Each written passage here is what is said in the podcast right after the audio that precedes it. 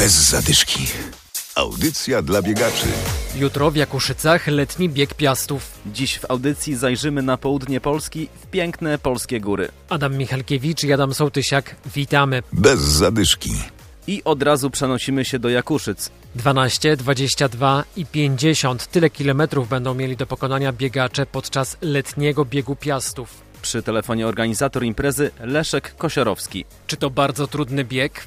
No, wie pan, jak ktoś jest przygotowany, to nie, to nie są wymagające. to oczywiście sobie poradzi.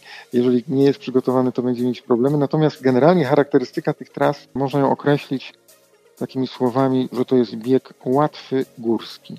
Łatwy, czyli te profile y, tras są dosyć łagodne. To nie są ani Tatry, ani Karkonosze, gdzie są bardzo ostre, strome podejścia.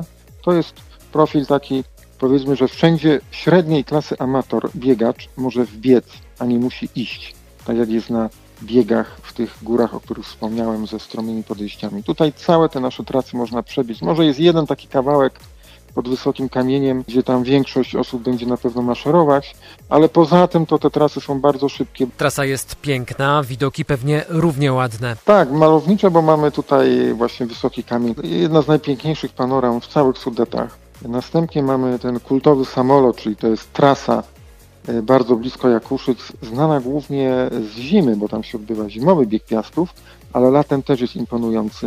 Jest taka bardzo długa, prosta, która przypomina pas startowy na lotnisku, ale też ta nazwa wiąże się z tym, być może, że w 1945 roku tutaj rzeczywiście samolot spadł i była katastrofa. Jeszcze w 70 latach żołnierze WOP-u, którzy tutaj stacjonowali, to znajdowali resztki tego wraku. No więc naprawdę każdy tutaj, myślę, znajdzie coś dla siebie. Z powodu epidemii starty będą odbywały się etapami. Co 10 minut na trasę wyruszy grupa biegaczy. Powodzenia, trzymamy kciuki zwłaszcza za Wielkopolan, którzy startują w ten weekend w Jakuszycach a w okolicach Szklarskiej Poręby miejsc do biegania jest mnóstwo. Teraz zabieramy Was do Świeradowa. Naszym gościem Katarzyna Harbul-Bała. Taką mekką biegaczy z całej Polski jest Szklarska Poręba, ale w Świeradowie chyba też jest wiele takich miejsc, gdzie można pobiegać yy, bardzo przyjemnie, ale też można się bardzo zmęczyć. Szklarska Poręba ma tą przewagę nad Świeradowem, że ma dużo więcej tras, które są popłaskie ale zarówno w Szklarskiej Porębie, jak i w Świeradowie warunki tlenowe są te same, ponieważ warunki tlenowe są takie jak na 2000 m2, więc bardzo dużo z grup, zespołów, drużyn przyjeżdża tutaj trenować po to, żeby nie wyjeżdżać w Alpy. Raz, że jest taniej, dwa, że jest bliżej, a trzy warunki są takie same tlenowe, więc naprawdę można tutaj dać sobie porządny wycisk. Jest bardzo blisko e, do nas e, z Poznania, Wrocławia, Szczecina, Krakowa. To naprawdę przy tych ilości autostrad to są 4-5 godzin czasem z najodleglejszych e, miejscowości.